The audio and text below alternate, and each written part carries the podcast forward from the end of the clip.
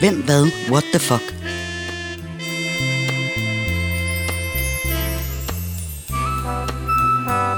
Et nedslag i et legendarisk opslagsværk fra før internettet blev født.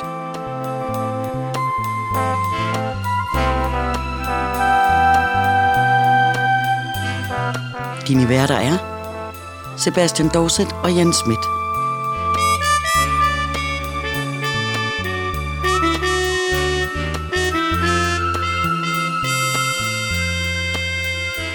Denne gang er nu 1981.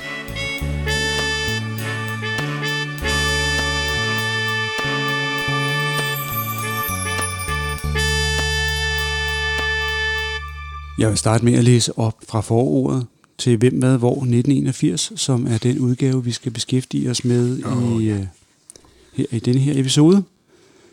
Og der står, vi vil alle gerne følge med i døgnets hændelser. Vi vil være orienteret, være assure. Og når vi læser aviser eller bænker os foran tv-skærmen hver aften kl. 19.30, bliver vi også fodret med informationer og nyheder af alle slags og af vidt forskellig betydning. Overfodret, vil mange mene. Og hvem husker de kaleidoskopiske indtryk, en lille bid her og en lille bid der? Hvordan skærer vi igennem til det væsentlige? Til det, der har indflydelse på vores daglige liv, på fremtiden. Hvordan får vi egentlig fod på tiden? Hvem, hvad, hvor er et stykke værktøj, alle kan bruge, hvis de vil. Her er redaktionens og de mange medarbejderes bud på, hvad der er af betydning for året, der gik, og for fremtiden. Årbogen kan forekomme som et stort spørgsmålstegn til det forgangne år, men vi søger at finde svar. Ikke alene hvem, hvad, hvor, men også hvorfor. Og så er denne udgave ikke en bog, der står alene i dag. Den kan bruges hver dag, hvert år ud i fremtiden. Det er en bog af vedvarende betydning. Underskrevet redaktionen af Hvem, Hvad, Hvor. Og de har jo ret, vi sidder og laver podcast for dem nu. Ja, det er jo det. Så det kan vi bare sige til dem. Det er simpelthen noget, I selv har skrevet i 1981 udgaven, ja. Ja. som jo altså også får en til at tænke, at hvis redaktionen blev placeret med en selvopdaterende computerskærm foran sig, med det antal af breaking news og clickbait og mærkelige opdateringer og live-dækninger og hvad som helst, fordi deres hoveder jo eksploderer, hvis de kom direkte fra 1981. Ja. Ja, det er helt vildt. Der har man virkelig brug for at få ordnet det. Men det er også tydeligt, som jeg også tror, vi har talt om, øh, Sebastian, at jo, jo længere frem vi skrider i historien, så øh, bliver de mere øh, kompakt, de bliver mere komprimeret med, fyldt med, med informationer, de her hvem, hvad, Ja. bøger. Der skal presses meget ned i. Altså verden øh, bliver mindre og større på samme tid, om man så må sige. Ja, tilbage i 50'erne, der kunne de bruge nogle sider på noget, hvad er der egentlig sket gennem tiderne af den her slags hændelser. Ja. Nu skal de bare fylde det op med de Ja. aktuelle begivenheder fra det forgangne år.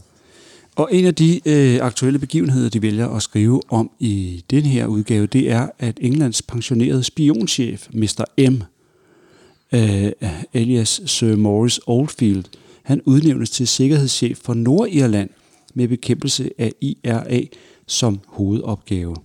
Ja. Morris Oldfield. Måske far til Mike Oldfield. Det Ja. kunne godt være. Han var også stor der omkring 81. Det er rigtigt. Men altså IRA og den der konflikt øh, ved- op, op i, i Nordirland, ja.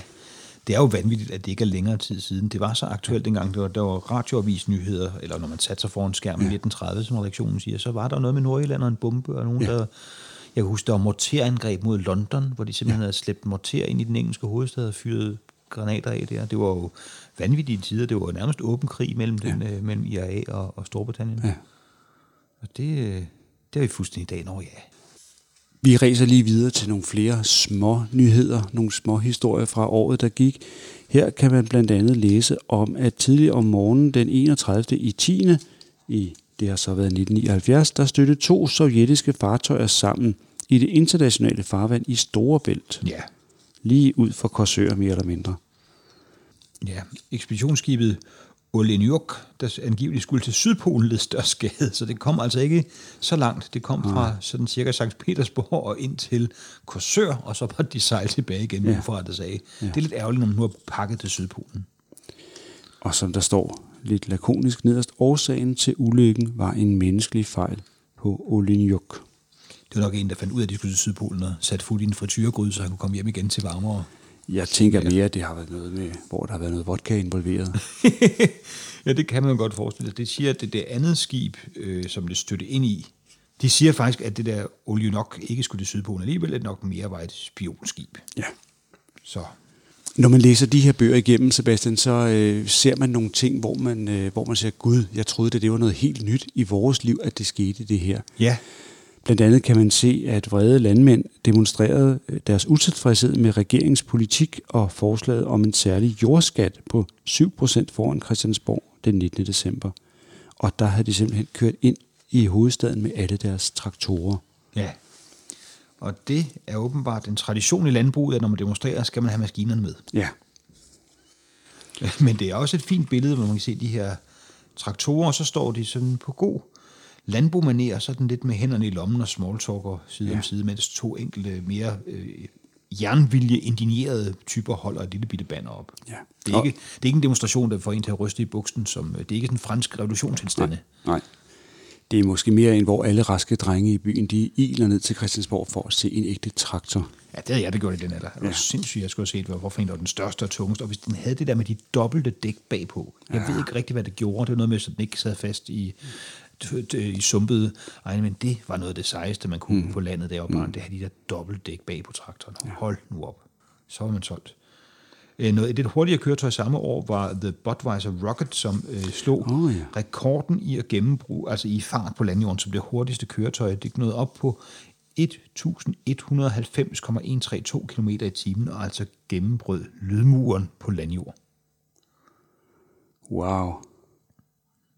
Og det ser ud som, den kører på is, men jeg mener, de gør det på, øh, i Salt Lake, øh, Salt Lake Søen, som ja. Jo er fuldstændig fladbundet, Ja. og, og uden øh, objekter, der kan ødelægge sådan et rekordforsøg. Det er faktisk også den, der er blevet brugt i en reklame for en bil, jeg kan ikke huske mærket, hvor de simpelthen lod øh, Ray Charles køre bil som deres reklame, hvor han bare sidder og griner, mens han kører rundt i det her fuldstændig øde område, hvor han ikke kan støde ind i nogen. Der er simpelthen ikke noget at støde ind i. Afghanistan, øh, det her land, som ligger klemt inde mellem øh, Sovjetunionen, eller det tidligere Sovjetunionen nu, Iran, Pakistan og en lille bitte, bitte smule grænsende op til både Indien og Kina. Ja, en placering, der garanterer for store politiske forviklinger. Ja. og også har gjort det i, må man sige, i ekstrem effektiv grad. Tænk, at det allerede Ja. er et land, der bliver fremhævet i 81-udgaven som, øh, som et, noget, man skal lægge mærke til. Jamen, der var jo netop øh, problemer her i de her år, ikke? fordi både øh, englænderne og russerne havde jo tidligere haft en, enten invaderet landet, eller i hvert fald sørget for at få placeret nogle øh, regeringer, som var meget venlige mod dem selv der. Ja. Ja, Sovjet var vel i gang Ja. i de her år. Ja. Og jeg kan huske, når man nu hørte radiovis, var der også nyt for, hvem der nu havde skudt hvem i Kyberpasset, Ja. og hvem der nu havde øh, haft størst succes med at trænge hinanden tilbage. Det var jo øh, Sovjet, der invaderede det her lille bitte, eller det er ikke lille bitte, det er 15 gange så, øh, så stort som Danmark, men mm. altså relativt tyndt befolket, øh, lidt tilbagestående, hvis man skal være grov land. Og så tænker man, den største krigsmaskine på det her tidspunkt i, i verden, ja. Skal der nok have en chance over for de her bønder. Men så holdt de jo fast på god guerilla at CIA kastede nogle våben ud efter de her mujahediner, ja. så de kunne kæmpe mod øh, de kommunistiske ærkefjender. Og det gav så nogle historiske problemer, kan man sige. Man havde ikke lige... Altså det svarer til, at dit barn skal være alene hjemme, og du giver mm. den en øh, skarplat pistol. Det skal nok holde barnet trygt den aften. men, men fremtidigt kan det godt give nogle kioskrøverier. ja. Det har i hvert fald ikke øh, lykkedes at hvad kan man sige, skabe ro og stabilitet i den region.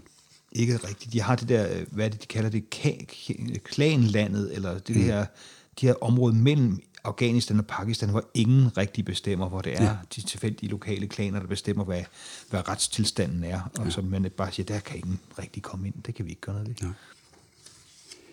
Ja. Øh, som et eksempel på en dag, som bare var helt what the fuck, der kunne jeg godt tænke mig at nævne den 1. februar 1980. ja, Der sker det, at Japan og Kina melder afbud til OL i Moskva, ja.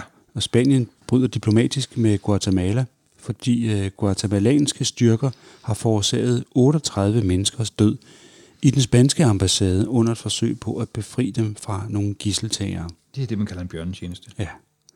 Og for første gang i verdens eller i, i Islands historie stiller en kvinde i teaterchef Vigdis Finnbogadottir op som præsidentkandidat. Og det var virkelig noget. Ja, og så retten i Jørgen idømmer en 16-årig dreng et års fængsel, men ophæver straffen på betingelse af, at han i seks måneder ikke bor eller arbejder i sin hjemby Hirtshals. Så tænker man virkelig, what the fuck, hvad handler det om? Hvad er der sket i den retssag? Og hvad, der, det er det, man skal altid huske, når man hører om, om domme. Man skulle have været i retten for at forstå, hvorfor det giver god mening, det der foregået. Borgmesteren i Ballerup, Kai øh, Burkhardt, han øh, bragte sig selv i mediernes søgelys, som der står, da han offentligt erklærede, at 10 procent af lærerne i kommunen var rendestensundervisere og venstreorienterede abekatte. Han havde tidligere slået sit navn fast ved en usædvanlig nedrivning af den såkaldte kulturkro i Ballerup. Og så er der et billede, hvor han underholder sig med en af, som der står i citationstegn, abekattenes udgivelser. Ja, pædagogik og marxisme hedder skriftet, som han sidder og tyder sig igennem. Og det kan jo også kan man godt finde eksempler på noget, der kunne tolkes som venstreorienteret i sådan en bog, skal jeg gætte på. Men det er et dejligt sprog. Jeg havde ikke glemt Kai Burkhardt, men han, jeg var selvfølgelig også, vi var selvfølgelig heller ikke øh, voksne journalistuddannede mænd, dengang han ligesom huserede, men altså kalde folk for venstreorienteret abekatte, det har sådan ja. et Erhard Jacobsens svung over sig. Ja, det er rigtigt. Hvis vi haster videre med lidt smånyt, øh, så øh, sker der det, at Jugoslavien de anklager Sovjet her den 21. Øh, marts 1980. Der øh, anklager de Sovjet for øh, pression og propagandakrig i forbindelse med Titos sygdom. Ja. Ja. Så ved man, at den er god nok. Og så er der en anden ting. Byrådet i den vesttyske by Bad Nauheim, de beslutter trods protester, at Adolf Hitler han skal forblive æresborger i byen. Det er det, man kalder kontroversielt. Det er også et what the fuck øjeblik, at man siger, det, det, det, det synes jeg alligevel. Som en stedig på, en eller anden, på et eller andet plan. Det er også sjovt det med, med Titos sygdom, at det er pression og propagandakrig, fordi at, jeg kan huske, min, øh, min fætter er neurolog, og på det forsket i, i Parkinson. Og så på et tidspunkt, så øh, siger øh, det her fine PLO, altså de palæstinensiske frihedsorganisationen siger så, at det er sionistisk propaganda at påstå, at Arafat skulle have Parkinson. Så sagde min fætter, så vidste jeg jo, den var god nok. ja, det er det. øh, hvis vi skal have lidt mere rigtig, rigtig småt nyt, så sker der det, at øh, i den 30. marts herhjemme, Venstres Ungdom, de beslutter at arbejde for oprettelse af sovneråd som rådgiver inden for storkommunerne. Det er jo altså lidt noget andet, end Venstres Ungdom går og laver i dag, ikke? Ja, det må man sige. Det er lidt mere... Øh, ja, hvad, hvad kan man kalde det? Man skal ikke, det, det er konstruktivt, kan man sige. Ja. ja, realpolitisk på et sådan helt uhørt niveau. Ja, præcis. Og det er, en, det er godt tænkt, ikke? Ja.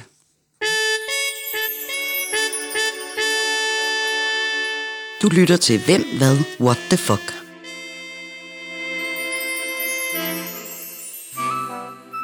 En podcast med nedslag i et legendarisk opslagsværk fra før internettet blev født.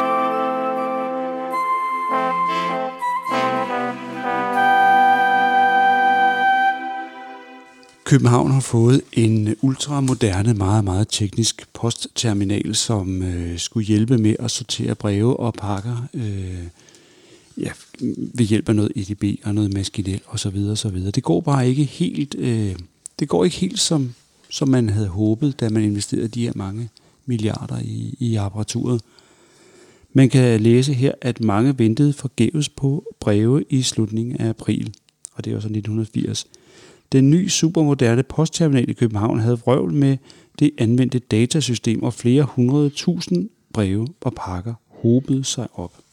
Ja, jeg kan godt huske det. Jeg ved ikke, nu bliver min historiske sand svigter her. Øhm, havde vi allerede haft så mange IT-skandaler, man sagde, hvad sagde jeg dengang? Eller var det lidt overraskelse, at der var noget offentligt Ej, IT, jeg som tror- ikke virkede? Jeg tror, at øh, da vi kiggede på hvem, hvad, hvor øh, 1984, der kiggede vi vist på nogle IT-skandaler. Det er rigtigt, der havde været nogen. Der havde været nogen, men der havde været nogen her. Det, som jeg tænker på her, det var dengang, da jeg, før jeg blev, før jeg blev rigtig journaliststuderende, så var jeg sommerferievikar på Rødovre Avis. Ja, I, og i sommerferien i Rødovre, altså på en lokal onsdagsavis. Det er gurketid med agurk på. Så jeg tog blandt andet turen ned til postmesteren på Rødovre Postkontor og, og fik en lang snak med ham om det, man kalder de døde breve. nå ja. Der var faktisk en hel afdeling i postvæsenet, som ligesom skulle efterforske de her breve, som, hvor man havde glemt at skrive den rigtige øh, adressat på. Altså din mormor kunne ikke huske, at du hed Sebastian, så hun havde kaldt dig noget andet, eller Ja. gadenavnet var forkert, eller postnummeret var helt hen i høet, eller der manglede postnummer. der havde de altså nogle folk, som gik uden at åbne brevene, øh, vel at mærke, for at læse, hvad der stod inde i, men som efterforskede, hvor hører de her breve til? Ej, for fantastisk. Det er også en funktion, man frygter er rationaliseret ja. væk, ikke? Ja, de kalder det simpelthen, øh, de kaldte det de døde, de døde breve. Ja. Og det var ret interessant at få øh, et indblik i, hvordan Det man det være. arbejdede med det. Det må det være. Jeg kan også huske, at der var jo eksempler på folk, der simpelthen... Ja, han, bor der, ham der Jan Schmidt, han bor der vist på Frederiksberg. Så vi skriver Jan Schmidt, Frederiksberg, og sender brevet. Og så må vi bare håbe, det kommer frem. Og det skete jo faktisk også nogle gange, ja. folk tænkte, det må da være ham der. Og det var også fordi, at der var jo faste postbud, som vidste, nej, nej, fru Hansen, hun bor ikke nummer 22, hun bor nummer 122. Det ved jeg, fordi hun får altid det her øh, Ja, ja, Femina præcis. tilsendt eller noget. Præcis, ja. Så han kunne banke venligt på og sige, du skal lige huske at skrive, at, øh, at du bor altså her. Ja. Øh, 1980 blev i øvrigt året, hvor København blev ramt af en, øh, ja, nær det tætteste, man kunne komme på en katastrofe. Ude på Islands Brygge lå det, man kaldte sojakagefabrikken, altså hvor man simpelthen raffinerede øh, sojabønner. Og i den proces, der brugte man blandt andet noget, øh, noget, noget benzin og sådan noget, som var under tryk og så videre og så videre. På et eller andet tidspunkt, så øh, slipper, går der hul i sådan en kæmpe benzintank. Der er en lækage derude og man får sendt øh, beredskabspersonel øh, derud, og politifolk og alt muligt har afspærret bryggen, faktisk inden det hele springer i luften. Og så sker det katastrofale er bare, at et eller andet sted er der et, er det et køleskab eller et eller andet, hvor det tænder, og så kommer der en gnist, og så ryger låget simpelthen af sojakagefabrikken, fordi hele skidtet eksploderer. Jeg kan godt huske det, men altså først når Man jeg kunne- ser det her igen. Man kunne høre braget helt ud på Vestegnen, kan jeg fortælle dig. Hele. Ja. Ja. Og så viser det sig, at det, det selvfølgelig trykkede ruder ind i store dele af København, og øh, det gav så folk øh, den fristelse, de ikke kunne modstå, at de plyndrede simpelthen butikkerne. Ja. Det, det, det tænkte jeg, det har jeg ikke, kan jeg ikke huske, man havde oplevet i Nej. men der var altså bare en situation dengang, hvor der pludselig var plyndringstilstande. Ja, det er sådan noget, man ser, øh, når der er raceuroligheder i, øh, i Los Angeles, ja. eller noget af den stil, ikke? Altså, at, at pøblen går amok. Jeg altid troet, det var sådan en amerikansk ting, men de er så ja. praktisk tænkende, at jeg nu kæmper jeg for min ret til at være, som jeg er, men jeg skal også lige have et nyt fjernsyn. Ja. FN holder kvindekonference i København. Ja. Øh, og i den forbindelse udtaler generalsekretæren Lucille Mayer fra Jamaica i sin afsluttende tale, at jeg mener, at vi her har bevidnet, at kvinder på trods af politiske, økonomiske og kulturelle forskelle, og trods de uundgåelige skuffelser under arbejdet på at nå vores mål, har demonstreret større enighed end splittelse i de grundlæggende spørgsmål, som angår dem. At det er dem, som skal sikre slægtens reproduktion i et hvert samfund, og at de derfor må bære en dobbelt arbejdsbyrde, og at de stadig rammes af forskelsbehandling på grund af deres køn. Ja, godt kæmpet søster. Og det er jo øh, lidt trist at læse, at det er noget, man stadigvæk ligesom kan sige, uden at hvis det bliver sagt i dag, vil jo ingen jo tænke, jamen det har vi jo, det har vi jo. Det er 40 år siden, det er 40 år siden. at man tog hul på denne her. Altså, det, det er ikke, været- man kan ikke komme og sige, nej, det kan jeg da godt se, det er da helt skævt, men det er altså helt lyt for mig, og nu, nu øh, vil jeg være meget optaget af at få gjort noget ved situationen. Ja, men nej, det er ikke det, er ikke det voldsomme, der er sket.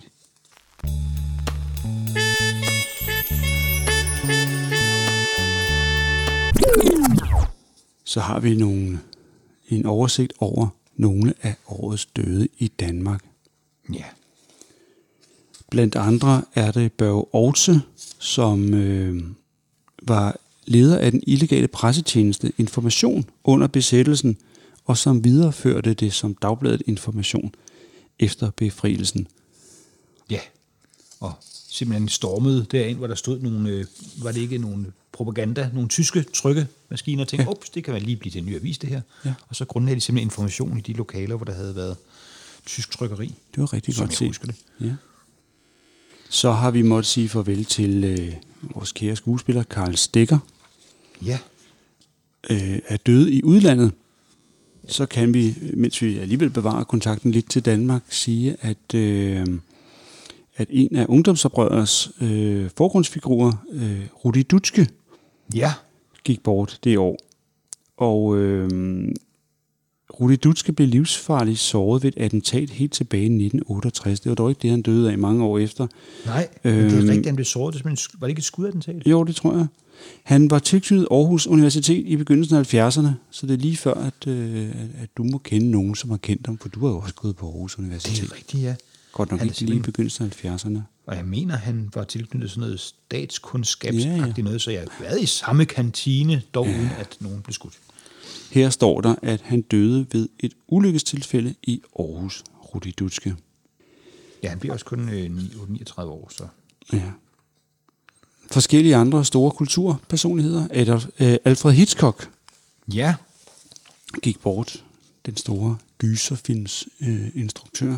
og Henry Miller, Henry Miller, ja. store forfatter, og Jesse Owens, Ja, denne herlige mand, der jo vandt fire guldmedaljer ved OL i Berlin i 1936, og blandt andet øh, dermed øh, gjorde- Adolf Hitler lidt lang i masken, der Ja. håbede, det skulle være en propaganda for hans ariske menneskeideal, og så viste den her øh, kulsorte mand, altså spændet fra alle, øh, Ja. hvad kan man sige, det tredje riges øh, protegéer.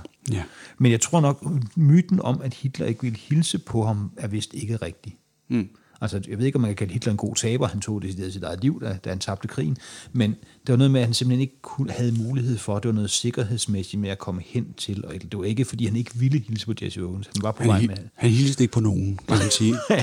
det, så det er ikke for at forsvare Hitler, men, Nej. øh, men det, det, det er vist nok en myte, at han, han, han vandrede væk i raseri, men han, han ville have hilst, og hilste vist også på ham inden lejene, så det, racismen var mere overordnet, end den var øh, fra person til person. Mm. Jean-Paul Sartre og øh, skuespillerinden Jean Seberg, som man kender blandt andet fra øh, Åndeløs, hvor hun spillede over for Jean-Paul Belmondo. Og så døde Pete Sellers, Ja, den lyserøde panter. Eller han var ikke en lyserød panter, han spillede en lys, Altså det skal bare, hvis man ikke tænkte, hvorfor har de jo kaldt den lyserød panter for Peter? Kan vi ikke bare kalde den en lyserød Ja. panter? Det, altså, Mm, ja. ja. den kommer alligevel ikke, når man kalder. Jugoslaviens præsident Josep Broz Tito, han døde 4. maj øh, 1980. Øh, og det viste sig jo senere, små 20 år efter, at skulle få katastrofale følger, at han ikke længere var der til at holde styr på det ja. Hele. Det var ikke... øh, Øhm, Det var ikke... Han havde holdt sammen på noget, der måske øh, nu Ja. øh, blev temmelig adspredt. Og lidt profetisk måske her i Hvem med hvor slutter de lige øh, spalten om Tito med ordene. Hans person har været et symbol på Jugoslaviens selvstændighed, og hans død rejser med fuld styrke spørgsmålet, hvad vil der nu ske? Og der kan vi svare rent nationalistisk, Danmark bliver europamestre. Ja, Ja. det er det korte og positive svar på det.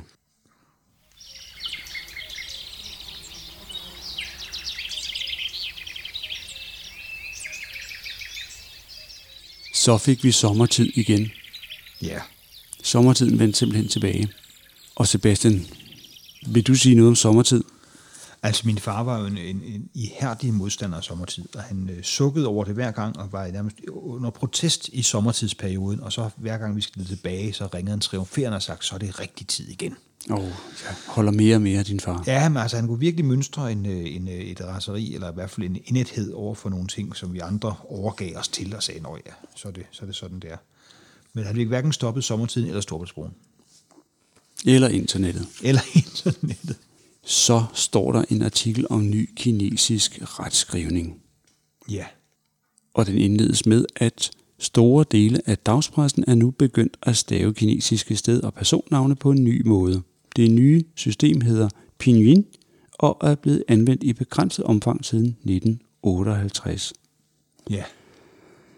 Og det betyder blandt andet, at navne som Mao Zedong, som jeg ville udtale, hvis jeg skulle læse de bogstaver, der stod der, mm. det nu skrives Mao Zedong, altså med et Z, Mm. og udtales Mao Zedong i lydskrift. Det lyder som noget, der glider og falder. Ja. Og hvad kan vi mene mere om det? Ikke så meget. Nej, de bruger flere x'er og sætter ind, og så skulle du åbenbart gøre det mere lojalt over for den rigtige kinesiske udtale. Ja. Men min, min øh, farfar, for nu at blive i familien, mm. havde altid undret sig over, hvordan man egentlig havde skrivemaskiner i Kina. For de skal jo ikke bare kunne de her 28 tegn plus et specialtegn, vi går og bakser med. De har jo mange tusind forskellige tegn, og der synes jeg, det er en form for forklaring, at man simpelthen omskriver det til noget. Et, altså man har sådan en mellemomskrivning, der så ender med at blive til tegnene i, mm. på papir. Øhm, ja, det er jo ikke sådan en særlig god forklaring, men øh, det er stadig også en lidt svær ting. Jeg, jeg har aldrig helt forstået, hvordan man egentlig gør, om man sidder, man sidder og tegner det manuelt, og så bare siger, det var det. Nå, men det, der er jo et billede af en, af en sød kinesisk pige, der sidder her ved en kinesisk skrivemaskine. Bakken rummer 2.500 forskellige tegn. Ja, hun sætter det sådan lidt op, sådan, sådan trykkeagtigt, ikke? Ja, en typograf. Ja. ja. Her er der en, øh, en knap nok kaldt det en grafik, men det er sådan en grafisk gengivelse af, hvordan man sidder placeret inde i Folketingssalen ja. på Christiansborg efter valget den 23. oktober 1979. Og det er holdt i ved med vores flotte øh, orange, sorte og hvide farver, så det matcher forsiden. Her ser man jo partierne placeret, øh, og de er sådan placeret ud i en vifte, og jeg tænker lidt, at det må være sådan, at de mest betydningsfulde politikere inden for hvert parti, de krykker tættere og tættere frem mod øh, formanden og talestolen. Ja, og de nye sidder nede i grebningen, som det hedder der, hvor man ja. ligesom øh, er tæt på udgangen. ja, ja. Det er, men det er ancieniteten, der gør meget, man rykker frem. Man ser Fremskridtspartiet, de har ligesom sådan en, øh, en meget, meget tynd øh, kile, de lige, de lige presser ind mellem det radikale venstre og venstre. Og aller, aller bagerst på aller bagerste række, der finder vi altså Glistrup. Ja, det synes jeg er lidt sjovt. Han er blevet smidt derned, så han kunne sidde der helt ude i hjørnet, sammen med Kirsten Jacobsen til at ja. en dæmper på ham, hvis han skulle øh, svinges op sådan noget retoriske øh, øh, optøjer. Og så sidder Danmarks Retsforbund også ja. dernede med fem mennesker, i Christensen i spidsen. Åh oh, ja. Men de er blevet smidt ind helt bagerst, så de faktisk nærmest kun har bagerste række. Det er rigtigt, ja. Anders Fogh Rasmussen, han sidder på næstbagerste række i Venstre, så han er virkelig på vej til at arbejde sig frem mod de to øh, vigtige, vigtige pladser allerforrest, hvor Henning Christoffersen sidder og troner side om side med Uffe Ellemann Jensen. Ja, og Bertel Hård, der allerede dengang var rykket frem på anden række, sammen med Jens Peter Jensen, som jo altså var Uffe Ellemanns far. Og Bertel Hård, der sidder faktisk lige ved siden af Palle Simonsen, den ja. senere øh, konservative øh, finansminister, tror jeg, han blev, ikke? Ja, der er simpelthen øh, virkelig mange af de navne, man tænker, gud ja. Og det var den mange gange i radioavisen, dengang man hørte de navne. Erhard Jacobsen, som jeg nævnte, han sidder også klemt inde mellem de konservative og venstre. Åh, oh, ja. Og så har man Ivar Hansen, der stadig levede dengang, og sad på tredje række hos Venstre. Og så var det især hos Socialdemokraterne, der meget tydeligt, det som grafikken også kan vise, mm. at, nemlig at de nye sad bagerst. Der er ja. simpelthen en masse nye navne, der er blevet sat ind bagerst. Hans Hækkerup, helt nyvalgt det her år. Ja. Jytte Hilden, Jytte Andersen, ja, nyvalgte. Ja. Og de er så rykket frem, rykket hen og rykket ud. Ja.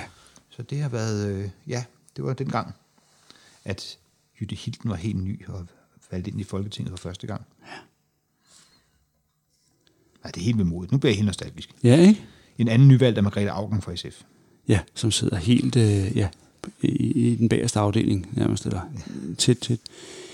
Ja, og nu nævnte du lige før, øh, Erhard Jacobsen, han sidder og hyggepassiarer med Grete Finger Møller, som han jo sidder side om side med. De må have haft nogle hyggelige snakke der, hva'? ja.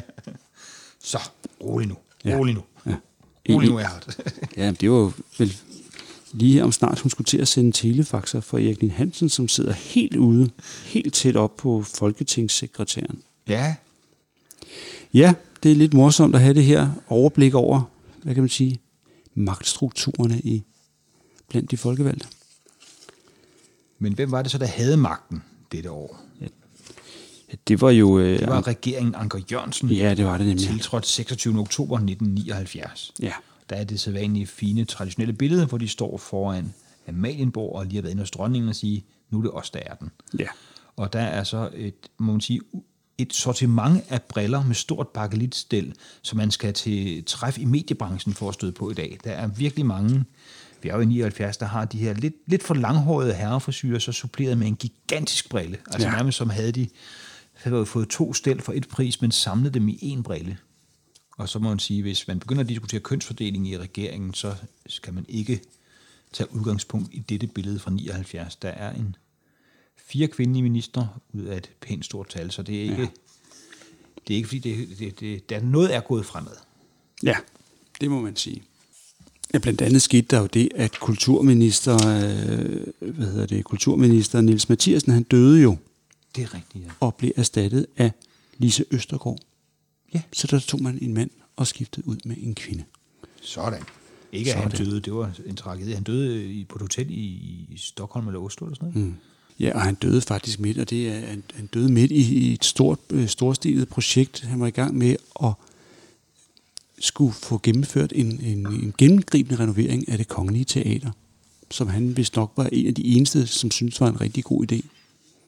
Og det var sådan, at man troede med hans død, at der ville projektet simpelthen falde. Så ville facaden ville få en gang hattemaling, og så ville, det være over. Ej, der er simpelthen der, er- der, der er basis for en konspirationsteori her. Ja. Det er simpelthen nogle rasende kongelige skuespillere, der har foranstaltet hans død. Ja. Men de, jeg tror, fordi er meget dårlige mordere, for de ikke kunne altså undgå at få en eller anden til at vurdere deres indsats. Det er, også der, de vil dukke op og sige, men synes du, Læs det- anmeldelserne. Virkede vi troværdige som morder, eller hvad, hvad synes du, kan vi også være lidt mere, altså vi kan være lidt mere Ja. dramatiske, vi kan larme lidt mere, hvad vil du have? Ja. Jeg tror da simpelthen, de troppet op på station 1 for at læse anmeldelserne. Nej, det var dårligt. Nej, den var god. Et udvalg af nye ord i det danske sprog er der også et kapitel, der er helliget til. Ja. Og Sebastian, Ej, gå amok. Jamen altså, vi starter jo simpelthen med behandlersamfund. Et mm. samfund, hvor næsten alle borgere har en behandler, derfor ikke i deres privatliv helt for sig selv. Og det er noget, sådan noget, man fandt på her tilbage i hvem ved hvor 1981. Ikke? Mm. Det er der længe, vi har snakket om det. Ja. Et, et ord, som jeg ikke forstår er nyt, det er dronningerunde. Nej.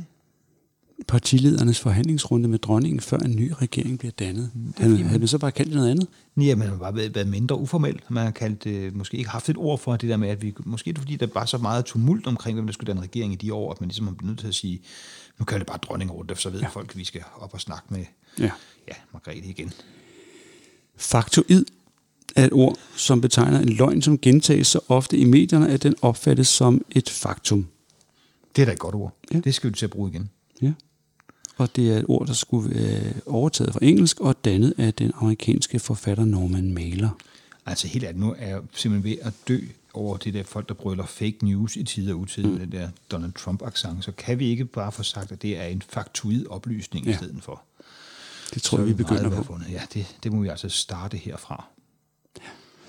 Så kan vi nemlig være grå panter, fordi en grå panter, det er et ældre menneske, som energisk kræver sin ret. Ja, det er også. Ja, Og så er der også øh, en, en oplysning omkring moden her. mm. De har gulerodsbukser. Det er bukser, som er brede for oven og smalle for neden. Portrætteret med et menneske, en menneskelig gulerod, der står der og viser sin buks. Og så er der også kassebukser, firkantede bukser, parentes, ikke på mode for tiden. Så ved man altså, hvis man sad i sin kassebukser og læste den her bog, så skal man skynde sig at skifte til nogle gulerødder. Hustruvold er en mands vold mod sin kone, og en gratis ydelse er en ydelse fra det offentlige, i parentes, som er gratis. Og så er der fundet på et ord, som jeg synes, man skulle lade være med, nemlig ordet ærnekørsel.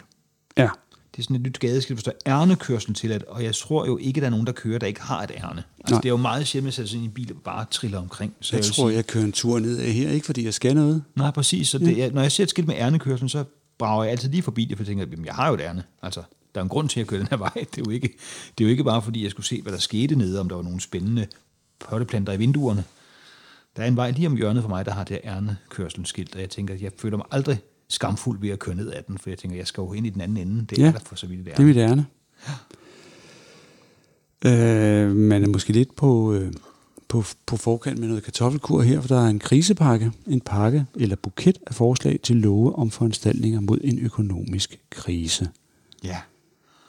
Og så er der noget, der hedder lønhamstring. Det er at sikre sig en lønstigning før overenskomstforhandlingerne, så man kan, kan, under disse kan få endnu en stigning. det, Ja. det, det bliver meget snedigt, men hvis man har den mulighed, så må man vel få det under alle omstændigheder. Nå.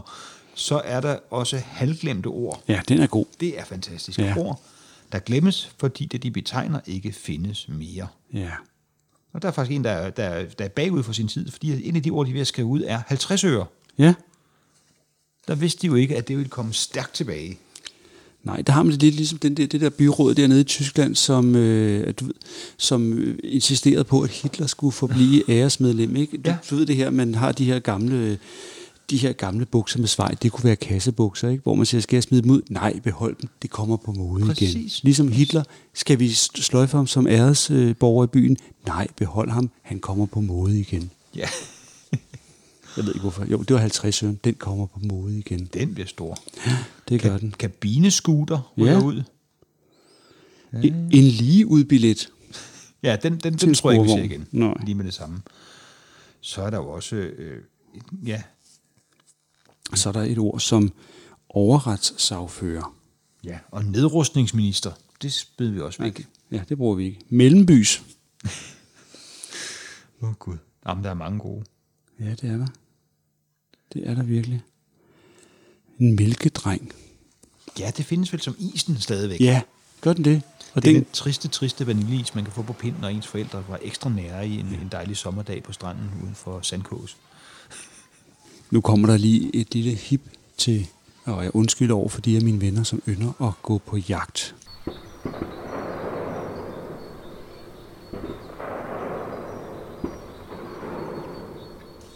Undskyld, Christian. I december øh, 1978 vedtog de ni EF-lande et direktiv om fuglebeskyttelse. Øhm, og det kommer blandt andet, øh, hænger sammen med, at der er en overskrift her, der hedder 750 tons blyhavl om året. Ja. Hvert år bliver der under jagt og øvelseskydning spredt 750 tons blyhavl i den danske natur. En væsentlig del af havne falder i lavvandede områder, hvor de udgør en fare for svømmefuglene. Ænder, gæs og svaner forveksler havlene med småsten, når de opsamler sten til krosen. Og havlene de bliver til blysalte, der optages i blodet og kan give anledning til blyforgiftning. Hmm. Ja, blot et enkelt havl i krosen på en and kan være dødeligt. Så der er håb for virkelig dårlige jæger. Det Ja. kan være, at deres havl bare ender et sted, en and, der selv samler det op tager ved egen drift, får det i krosen og dør, så man har en form for sniskud Ja. på den and. Ja. Ja, så øh, taler man om, at- om man skulle bruge stål i stedet for bly. Øh, men ulemperne ved stålhavl, det er blandt andet deres hårdhed, som giver større slitage af bøsseløbet. Nå. Det vil sige, I skal ud og øh, udskifte jeres, øh, jeres morvåben lidt oftere. Og så Nå. kan de også give, øh, på grund af lavere massefølge, give mindre slagkraft, og dermed betyde flere anskydninger måske. Altså ja. det at man rammer en and, der så andskydning, mm. øh, eller et andet fjerkræ, der så ligesom kan flyve videre og lide, fordi den er såret, men ikke er blevet nedlagt. Ja. I USA er stålhavn påbudt i områder med meget intensiv jagt, netop på grund af blyhavnenes skadelige virkning. Og det var det, jeg havde at sige om det. Ja, og det vi undskylder igen over for jægerne, I er med til at holde bestanden nede. Det er godt.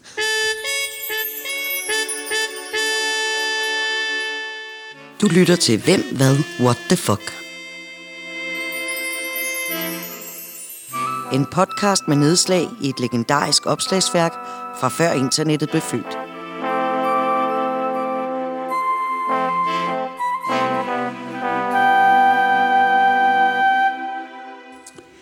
Litteratur.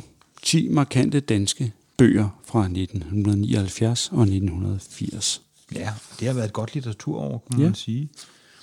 Øh, må jeg starte med, at Hans Jørgen Nielsen skrev Fodboldenglen, den her Ja. fine, fine roman, der er egentlig baseret på øh, Frank Arnesen Ja. og hans fodboldungdom i ja. Fremad Amager. Jeg holdt rigtig, rigtig meget af Svend Aage Madsens Se Dagens Lys, som øh, faktisk i øvrigt senere blev filmatiseret, hvert fald for tv med Kaja Bryl i rollen, okay. som er den her øh, samfundsmoralske øh, fremtidsroman, som der står om to forelskede, der i et veltilpasset datamatreguleret samfund snyder sig til at holde sammen, stik imod de gældende udskiftningsregler. Det var sådan, at man man, man levede en dag sammen med en ægtefælle og nogle børn, og så når man lagde sig til at sove, så var der et eller andet sindrigt øh, transportsystem, som på, på øh, en blanding af Matrix og øh, Monsters Inc. Øh, dørmåden, den flyttede folk rundt, så næste morgen, når du vågnede op, så vågnede du op ved sådan en ny partner, som du så skulle være mand og kone til, eller far for nogle børn.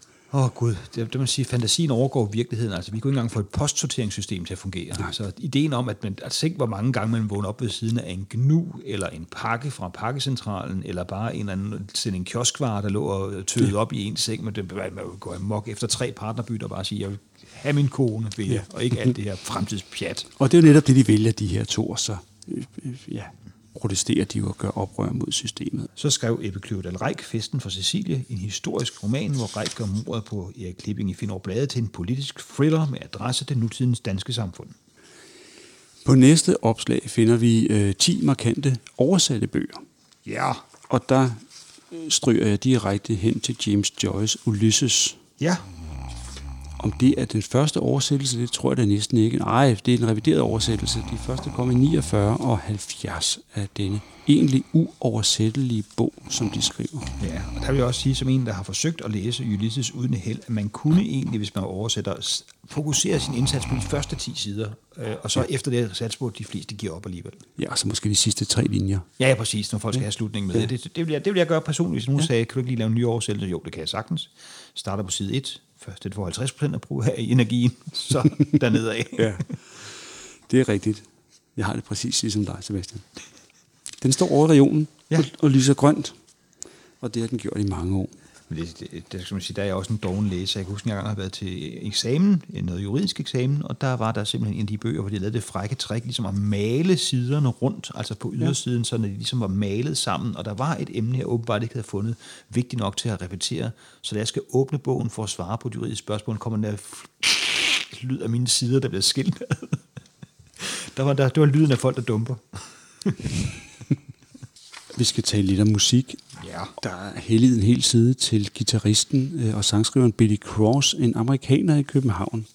Og det har jeg sådan set kun lige taget med her i denne episode for at fastslå, ja, Billy Cross har altid været gråhåret. Det er rigtigt, ja. Det var han også denne gang. Ja. For 20 år siden, 40 år siden. Og hvorfor er Billy Cross så lige vigtig i forbindelse med de her udgivelser? Jo, det er han jo, fordi at hvis man lige bladrer på sider længere frem, så mm. vil man se, at en af de store udgivelser af dansk musik, det var C.V. Jørgensen, øh, pladen Tidens Tern, Ja. som jo netop var Delta Cross Band Præcis. og C.V. Jørgensen.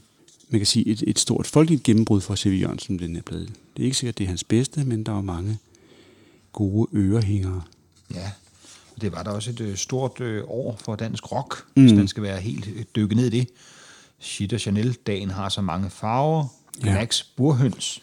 Ja, Burhøns, det var jo en af de plader, før de øh, fik ham der reggae-produceren på, og så han lavede de vilde kaniner, så alt ligesom blev reggae. øh, Ja, det er rigtigt.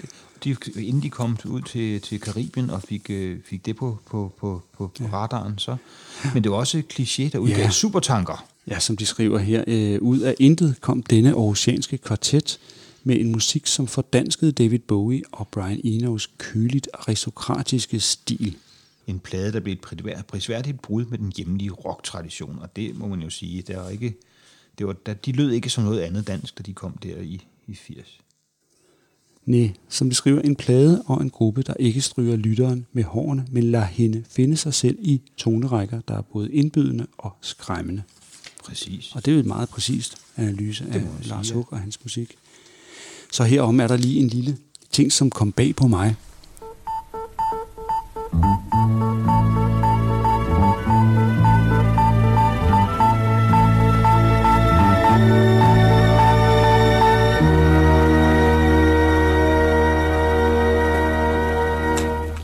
For under øh, det kapitel, som handler om, hvordan man laver tv-avis, og hvordan det hele foregår med radio- og tv-produktion, så er der en lille boks, som hedder TV-avisens fremtid.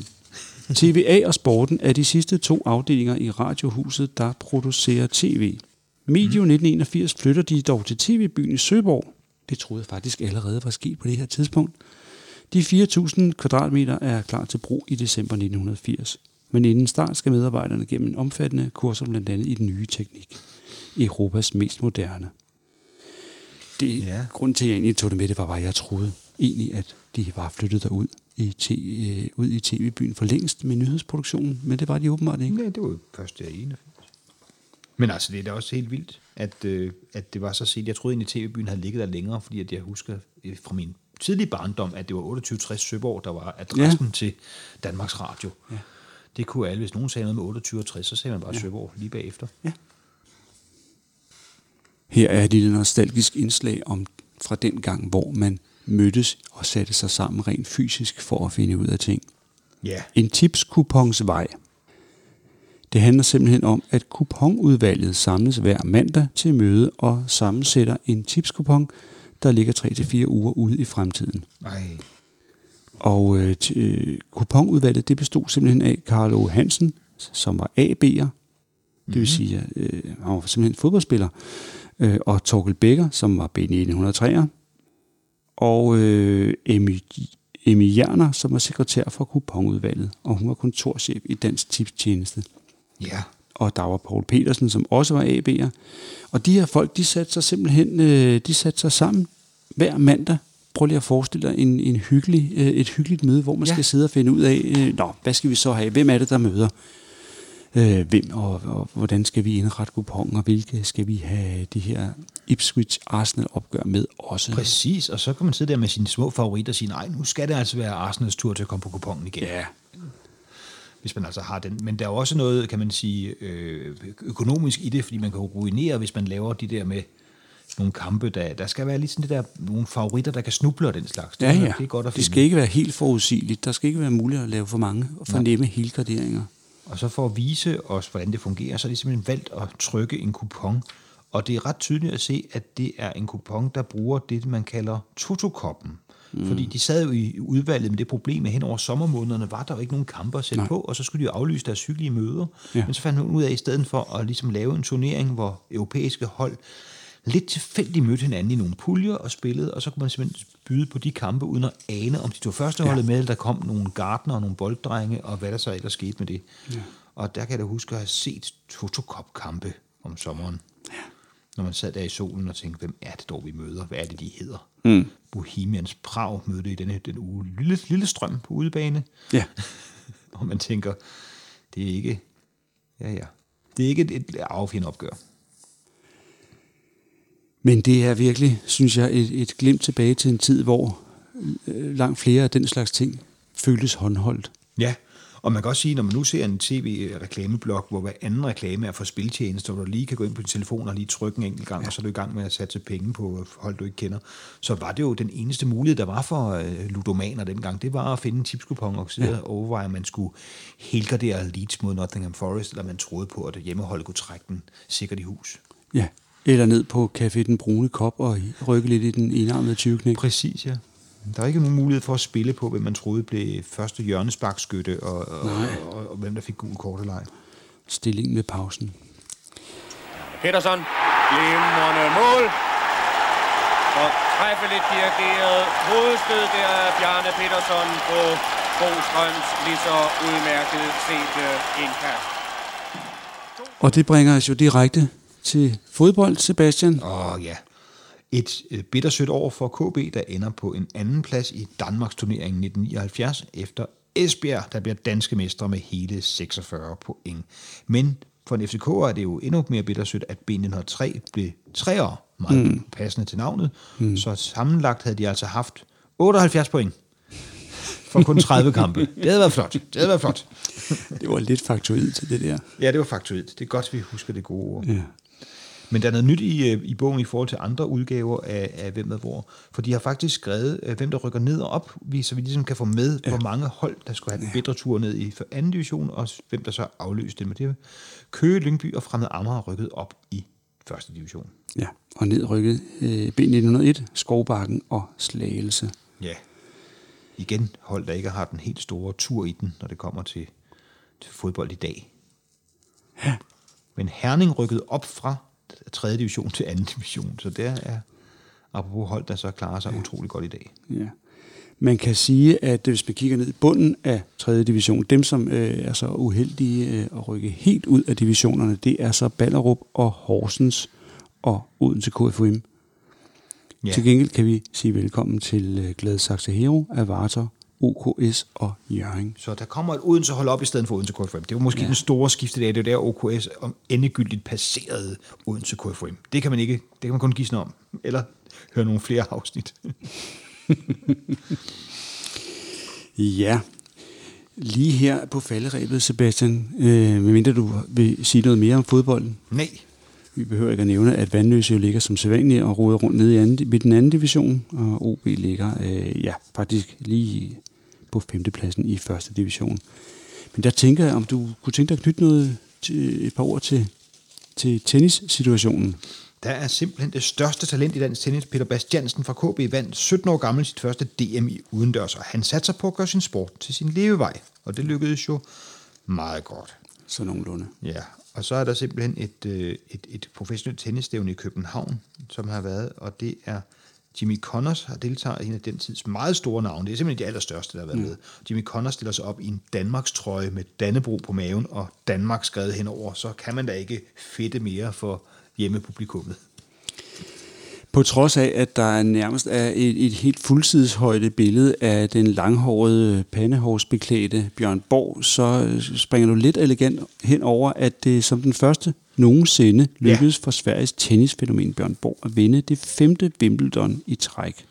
Ja, og det var måske grunden til, at jeg sprang det over, var ikke, udover at jeg blev grebet af det fine, fine billede af Jimmy Connors i Danmarks også at det var jo mm. egentlig lidt trist for ham, Bjørn Borg. Ja. Han har en rekord, der nok aldrig bliver overgået med fem Wimbledon i træk, men han stoppede jo også lige derefter. Ja. Det forstår man godt med det pres, en topidrætsmand er under, og specielt når han er op på et niveau, hvor han tænker, hvad skal jeg nu? Mm. Men det gik ham ikke så godt det der stopperi. Det blev meget noget med at stikke ting i næsen og lave dårligt undertøj. Ikke? Altså Ja. det, det, han skulle have blevet med den der tennisketcher. Ja. Han skulle lige have taget et par år mere.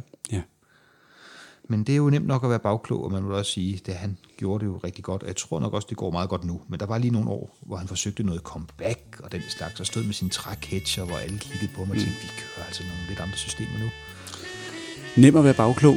Det er det i hvert fald også, når man sidder med en hel stak af de her Hvem hvad hvor bøger, udgivet af politikken, og kan gennemgå den i selskab med dig, Sebastian. Fordi det her, det var det, vi havde valgt at bringe i denne episode af Hvem hvad, what the fuck. Øh, denne her podcast, hvor vi dykker ned i politikkens hedengangne årbøger. Det har været super hyggeligt, Jan, og jeg håber da, hvis du der sad og lyttede med, også hygge dig, at du vil gå ind og måske endda øh, anmelde vores podcast, eller ja, eller ja, hvis du ikke kunne lide den, så foreslå en person, du ikke holder særlig meget af at høre den. Ja. Vi siger i hvert fald tak, fordi du lyttede med. Og på genhør næste uge.